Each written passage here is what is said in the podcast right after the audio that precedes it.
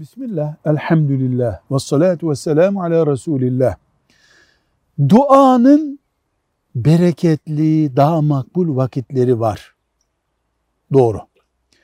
Tövbe etmek için de daha bereketli, uygun vakit var mı? Mesela filan gece, cuma gecesi mi tövbe edeyim? Ya da filan mekana gidip orada mı tövbe edeyim diyene diyoruz ki sakın, sakın böyle düşünme.